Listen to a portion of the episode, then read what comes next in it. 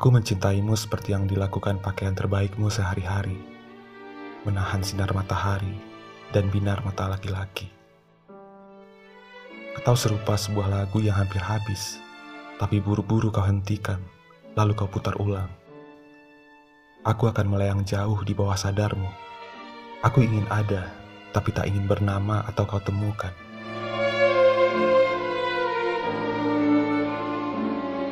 Aku tidak pernah membayangkan menjadi Yuko atau jepit rambutmu. Aku lebih suka menjadi hal-hal yang tak kau perhatikan, seperti menjadi lampu. Kau tak perlu menatapku untuk meruntuhkan cahaya di atas keningmu. Atau menjadi air. Ketika kau mandi, kau tak perlu memusingkan ke mana sisa diriku akan mengalir.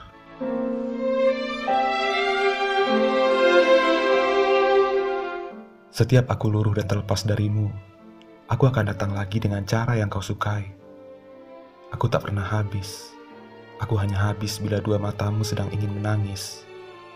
Aku akan selalu ada, walau hanya sebagai benda kecil yang tak mampu menimbulkan suara.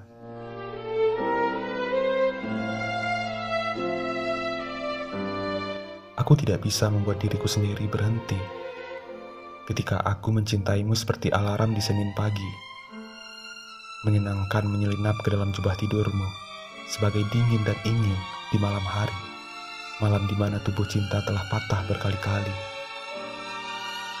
Tak mengapa bila nanti kau akan pergi, karena aku sudah ahli tentang membiarkan sebuah kehilangan hidup damai di dalam diriku.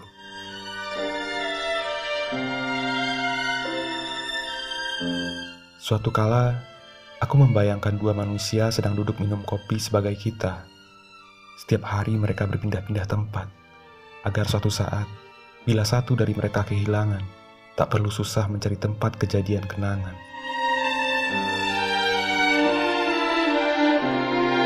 Masih ingat dengan seekor burung di dalam kepalaku? Nyanyiannya semakin merdu, matanya cantik.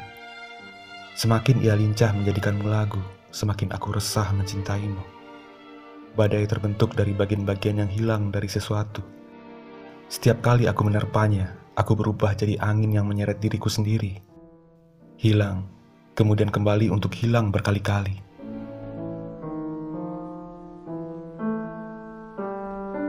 Kau menyukai angka tujuh. Aku menyukai angka-angka penanda sajak yang kutulis ketika kau tidur. Kadang aku ingin bertanya pada Yuko, bagaimana rasanya dipeluk langit yang sedang jadi perempuan. Kubayangkan Yuko kemudian bersyukur menjadi seekor kucing Lalu aku menerima diriku sebagai manusia.